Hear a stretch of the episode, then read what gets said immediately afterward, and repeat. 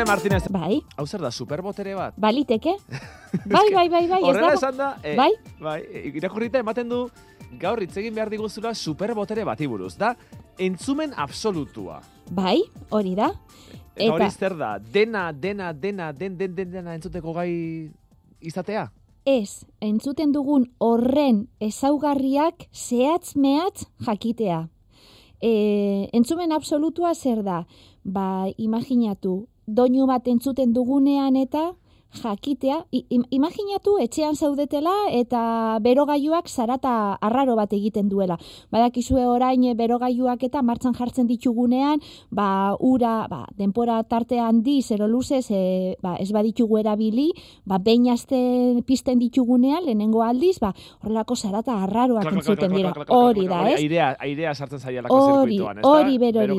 Ba, bai. entzumen absolutua duen pertsona batek jakingo luke zarata hori ze nota litzateken. Ah. Imaginatu, ba, fa, mi, sol, eta zehatz mehatz jakingo luke soinu hor- horri ze nota. Lego. Solfeoa bezala, ez? Bai, hori da. Solfeo automatiko bat, nola baita esateko. Bai, eta oso gaitasun arraroa da, antza, zientzialariek esaten dute, gure aurrekoek e, entzumen absolutua gaitasun hori zutela, baina, ba, evoluzioaren poderioz eta galdu egin dugula. Izan ere, gaur gaitasun arraro bada, eta datuen arabera, amar mila pertsonetik bakarrak du doai hori.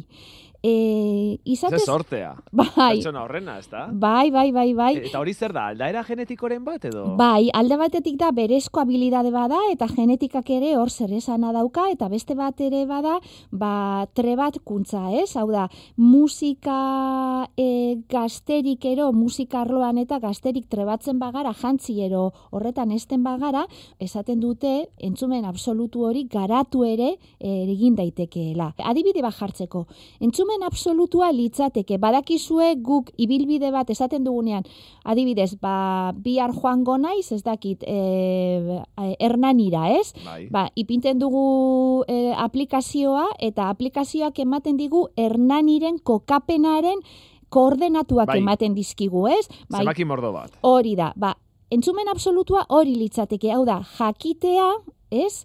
Hernani non dagoen zehatz mehatz. E, bere koordenatua jakitea, hori da entzumen absolutua. Baina gizaki gehienok hori galduta dugunez daukagu beste entzumen mota bat, eta da entzumen erlatiboa. Eta entzumen erlatiboa zer da? Bueno, ba, guk ez dakigu non dagoen hernani zehatz kokatuta, ez ditugu bere koordenatuak ezagutzen, baina badakigu hernanira joateko nondik nora pasatu behar garen, hau da, ibilbidea ezagutzen dugu. E, nola baiteko melodia ero doinua ezagutzen dugu. Hori da, entzumen erlatiboa. Ja, Hor- beraz, horrek esan nahi du, entzumen absolutua duen jendeak adibidez, bai? San Juanetako sortzikoa jotzeko ez duela behar partiturarik. Hori da, eta Edo gainen... lentzero joan zaigu jotzeko adibidez. Hori da, ez du behar, esaterako, e, kanpo estimulurik, ez? Hau da, e, badaki, e, identifikatzen doinua eta notak ezagutzen ditu zehatz mehatz, eta gainera beti berdin joko du. E, hau da, e, ez du alda aldatuko melodia, baizik eta zehatz mehatz joko du e, berdin gaur, bihar, etzi eta e, datorren egunean, ez? Bueno, Eta nor entzumen erlatiboa dugun gainerakok badakigu partitura non dagoen. hori da. Edo, edo badakigu hor badela nonbait partituraren bat eta hori lortuko dugu jotzeko, ezta? Hori da. Zehar bidea egingo dugu. Hori da. Bueno, kontua da, oso historio polita da. Mo, eh, esaterako Mozartek entzumen absolutua zuen. Eta gaitasun honek, bueno, botere harrigarri bat ematen zion, ez? Eta ero eman zion, esaterako zazpi urte eskaserekin, Salzburgoko gortean bizi zenez eta bertan zeuden musikarien akatzak zuzentzeko gai zen zazpi urtekin. Mozartek basekien soinu bat entzuten zuen eta zehatz mehatzekien ze nota zen. Eta gainera, egun batetik bestera, soinu zehatzak horrek gogoratzeko gai zen, inolako erreferentziarik gabe, inolako osagarririk eh, gabe. Eta, bueno, esaten duten ez musikari klasikoek entzumen absolutuaren gaitasun hori ba, errazago garatzen e, zuten, ba, zergatik, ba, bueno, ba, txiki txikitatik musikarekin eh, harremana ero musika e, arloan jantziak zirela, ez, entrenamentua jasotzen zutelako txikitatik, ez? Baina hipotesiek zer esaten dute, bueno, ba, alde batetik galdu egin dugula evoluzioaren poderioz, eta batez ere hiru urtetik aurrera galdu egiten dugu. Lau da, beste hipotesi batek esaten du guztiok dugula entzumen absolutua, baina behin hiru urte betetzen ditugunean galdu egiten dugula zergatik, ez dugulako erabiltzen. Ez, ez dugulako lantzen hori, ez da? Beste hainbat gaitasun bezala, txikitan bai. hain eh, elastikoak garen bezala, eta gero pixkanaka pixkanaka adinean aurrera joan ala elastikotasun hori galtzen joaten garen bezala. Aizu, uixune, bai. e, detektatu daiteke, entzumen absolutua. Badago moduren bat hori antzemateko, esan nahi dut, e, entzumen absolutua duen jendeak badaki hori duela? Mm, Eta ba, ziurtatu da izake hori? Galdera horri ez dakit erantzuten. Ez dakit norbera gai den jakiteko entzumen absolutua duen ero ez. Hori bai ez dakidala. Segurunago gainontzekoek, hau da, badaude horretan adituak non gai diren esa, e, adierazteko ero ikusteko pertsona batek e, entzumen absolutua duen edo ez. Baina ez dakit norbera gaiden bere gaitasun hori e, ba, identifikatzeko. bueno, esan dugu ez dakigula detektatu dezakegun edo ez, baina ez e, gizakien kontua bakarrik da, entzumen absolutuarena? Ez, ez, ez, ez, ez. Izatez, e, esan dugun bezala, gizakiotan gaur egun oso gaitasun arraroa ero duain bitxia da, ez? Baina animalien erreinuan ez da arraroa, baizik eta e, oso ohikoa da. Eta esaterako, e, egazti kantari asko kentzumen gaitasun hori dute. E, hori, hori ez gain, otxoe, karratoiek, eta beste karraskari batzuk ere, ba, beraien espezieko bestekide batzuk ezagutzen dituzte txorrotxio ulu ero deien tonuen gatik, ez? Eta... Tonuagatik. Bai, bai, bai, bai, hau da, badakite e, imaginatu gor kasu txori bat izango bazina eta ni ere beste txori bat izango banintza, nik zu ezagutuko zintuzket, ba, zure e, ahotza ero txorrotxio horren tonuaren gatik, ba, behar bada beti fa sostenidoan hitz egingo zenukeelako, ero txorrotxioa horretan hori izango litzatekelako, bai, Kantu bera izanagatik ere, tonua ba, zertxo bait aldatzen delako animaliatik animaliara. Bai hori da, baina beti berdin egiten dute, eh? hau da, e, txori jakin batek e, bere txorrotxioa beti e, nola baita esateko berdin botatzen du e, ez du aldatzen. Hau da, e, guk abesti bat abesten dugunean, gaur e, abestuko bagenu, ba, tonu baten egingo genuke, eta segurunago, hemendik aste batera, abesti berdina e, abestuko bagenu, ba, beste modu baten abestuko genukela, ez? Ba, beste kolore bat eta beste tonalitate bat emango geniokela, ez? E, esaterako, egunon esaten dugunean, gaur egunon, esaten dugu, bihar behar bada, bajusuago, egunon, be, bai. etzi, egunon! Ez? Ba, ez dugu beti berdin esate. Hori da, hori da, baina animalien kasuan, niabardura horiek ez dira existitzen. E, kasu askotan eta gainera gai dira, beraz, e, bata bestearen, ero bata bestea ezagutzeko niabardura hori gabe. Eh, Norberaren e, identifikaziorako bidea da beraz, ez da kantua, animalien kantua. Hori da. Eta, bueno, zelan dakigu esaterako e, entzumen absolutua ero e, gure, zelan interpretatzen da ero guk zelan den, e, doinuak eta notak adibidez zelan antzematen ditugu. Bueno, ba, kontua da, gure burmuinak ero gure entzefaloak e, tonuen irudikapen zuzena egiten duela. Hau da, gure belarri, belarritik sartzen da doinua, ez? Uina, eta bertan badaukagu e, zer bat, ataltxo bat koklea deitzen dana. Ha, hori da, e, belarri barruan dagoen mailutxo hori edo hor ezur kate hori mugitzen dena ez? Hori da, bai. e, soinuaren frekuentzia bereizten dituen ataltxoa. Eta, bueno, da ataltxo bat luzeran banatuta dagoela, eta bertan mintz bat dauka, ez? E, atal e, guztia zeharkatzen duen mintz bat dauka. Mintz hori mintz basiliarra deitzen da. Kontua da mintzori, koklean dagoen mintzori, ez dela e, uniformea. Hau da, zati batzuetan sendoago ero gogorragoa da, eta beste e, par, e, zatitxo baten, ero parte batzuetan, ba, finagoa ero bigunagoa da. Beraz, e, doinua sartzen denean koklean eta mintxorren kontra egiten duenean, ba, segun eta ze atalen kontra jotzen duen uinak, doinua izango da bat ero bestea. Hau da, ez du modu berean bibratzen. E, atal gogorrean talka egiten badu, ero atal bigunean talka egiten badu.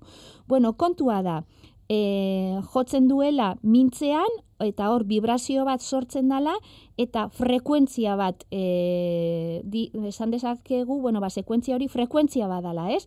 Eta orduan, frekuentzia hori gure entzumen kortesera e, heltzen da. Eta kortesean daukagu mapa tonotopiko bat, hau da, tonoen mapa, tonoak e, bertan e, gordeta dituen mapa bate dugu.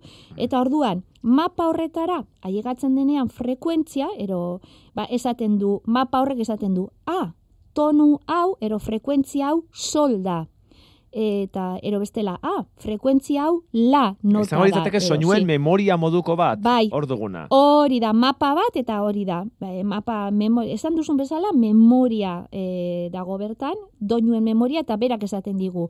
Hori solda, hori la da, hori si da. Zer gertatzen da? Bueno, ba, e, entzumen absolutua duten pertsonek gai direla informazio hori atera, eta esateko entzundudan hori solda, ero entzundudan hori lada. Baina, normalean, galdu egin dugu gainontzeko, galdu egin dugu aukera hori hor da. Gure mapa tono topikoak ematen digun informazio hori ez garagai berreskuratzeko. Horregatik ez dakigu, e, zen nota zehatz mehatz den. Eta ba, hori da gertatzen zaiguna gehiengo ei, ez? Zer gertatu izan da, lehen komentatu dugu, hipotesi badala, zientzialari ikuste dutela, ba, denok izan genuela, sasoi baten, entzumen absolutua eta evoluzioaren poderioz galdu egin genuela. Eta zientzialari hau ikusten dute, galdu egin genuela, hitzeko hitz egiteko gaitasuna garatu genuenean. Izan ere, hitz egiteko gaitasuna garatu genuenean eta gai izan ginen, ba, emozioak eta adierazteko, ez?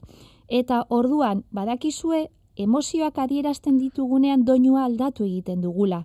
Ez da berdina asaltzea e, kontu e, e, posgarri bat, ero adieraztea ba, kontu mingarri bat, ez? Hor gure ahotsaren e, tonalitatea eta kolorea eta desberdina izaten da. Eta Esaten duten ez, ba, e, entzumen e, erlatiboak egiten duena da hori ez, ba, gure hizkuntzero mintzamenaren tonalitateak eta notak eta ba, horrek e, bideratzeko gaitasuna e, du. Aizu isune, bai. abemus maixam. Abemus maixam. Abemus maixam. Ze ondo. Maixa. Euskal Herria, zelan gabiz. Ondo eta zu? Ondo, non ibilizara, non ibilizara? Ibilinas Puerto Rico. Puerto Rico me lo regaló. Ez, egon nintzen oporretan. Surf egiten eta naturaz gozatzen. Benetan herri polita, eh? Herri polita. Nasako langilek ere baditu zuen oporrak, orduan. Bai, bai, bai, bai. Noiz baita ematen digute. Eta benetan pasada bat, eh, herria. Pilo bat ur salto ikusi nituen, eta hor bainatu nintzen, ur saltoetan, surfa, jangen duen bebai. Mhm. Hor mofongoa eta olako gauzak, super goxo. Bueno, ja urtea bukatzen ari gara, balantzeak egiten ari gara, 2008 batak utzi digunaren balantzea, eta gero, urte berriari begiratzeko egunak ere badira, hauek? Horrela da, zer berri izango diren garrantzitsuak zientzia arloan 2008 bigarren urtean adibidez, e, fizikan berriak e, etorriko dira, base CERN, e, Suizan, e, Genoban dagoen e, munduko e, laborategi handiena e, fizike, e, partikulen fizika ulertzeko laborategi handiena, eta ez bakarrik handiena, baizik eta energia altuen arabiltzen duena, berriro e, zabalduko du e, zernek LHC, e, adroiak talkan jartzen dituen laborategi erraldo jau, e, urteak e, urteetan egonda itxita eta berriro jarriko da martxan eta honek emango dizkigu ba, ba pillo bat e, esperimentu berri fizikari dagokionez batez ere ba, e, partikulen fizikari buruz, beraz e, adiegongo gara e, emaitzei. Zergatik egon da geldi, laborategi hori? Ba, beno, behar izan dute itxi, ba, ze mantenimendua behar izan dute, eta, ba, imaginatu, ez? Kilometroak eta kilometroko laborategi bat da, eta mantenimendua bai. ez da, ba, ofizina bat konpontzea moduan. Eta beraz, e, urtez, urtez egon da itxita, mantenimendu hori egiteko, eta urrengo urtean, esan bezala, ba, berriro operazioekin e, hasiko dira berriz, mm. eta eta ni ziur nago e, kriston emaitzak e, lortuko dituztela, ba, ze orain arte ja, e, bueno, e, nobesariak atera dira, mendik beraz, adi, adi egongo gara. 2008 biak ekarriko dizkigun berri gehiago? Ba, misioak, e, espazialak, kasu honetan, ilargia eta, eta Marte. Ba, adibidez, e, Marterako e, zera, misio berri bat sortuko da, Errusia eta Europa artean, ExoMars deitzen dena, eta ideia zen, ba, Robert bat, edo, edo da, e, Robert bat bidaltzea Martera, e, e, Europear e, Agentzia Espazialaren e, Rosalind Franklin deitzen zen edo deitzen den e, Robert bat eta e, Robert da robot bat Bai, hori da, robot bat. Gogora dezagun Marte dela e, unibertsoko planeta bakarra non biztanle guztiak robotak diren, roberrak diren, eta hori da bidaliko dena. Beste robot bat, robert bat, iraian eta misio hau e, Errusia eta Europa artekoa da. Eta ilargiari dagokionez, e, bueno, orbita mango duen, ezera, lehenengo gaiua bidaliko du nasak, e, Artemis bat misioaren pean, eta gero ere bai e, orbita emango duen gai honen e, esperimentuei buruz asko jakingo dugu, base e, kapeston deitzen den orbita mango duen gaiu honek egingo ditu esperimentu desberdinak eta ez hori bakarrik e, prestatuko da e, The Gateway deituko den lehenengo estazio espaziala ilargian bertan. Edo beto esan da, ilargia, e, ilargiari orbita bueltak emango duen estazio espazial bat izango da.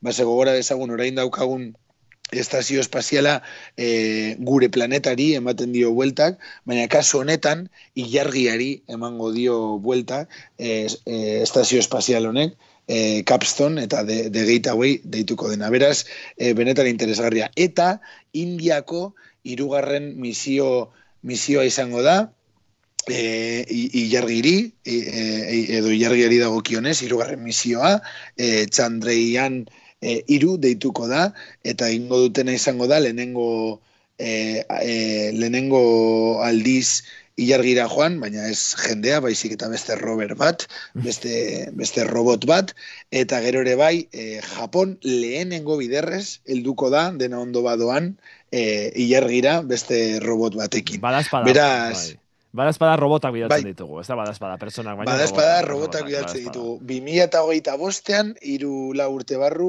e, gizakiak bueltatuko dira iargira, gora dezagun mila beretzion eta irurogeita mabitik ez zela iargira, eta orain arte joan diren guztiak gizonak izan direla, eta lehenengo biderrez emakume bat, bidaliko duela nasak 2008 garren urtean, Artemis misio horrenpean, baina, baina bai, 2008 interesgarria izango da iargiari dagokionez. Uxune, ze pena ez dugula entzumen absolutua, eh? ze pena ez dugula superbotere hori. Ez, ez, ez, nik ez dut, baina bueno, e, badaukagu entzumen erlatiboa, eta hori ere gauza handia da. Hori da, badakigu behintzat partiturak existitzen direla, eta pixka bat trebatuta irakurtzeko gai izango gainateke. Uxune, eskerrik asko zuri ere, bezarka da bat. On, ondo ibili, agur. Bezarka da hundi bat guzti y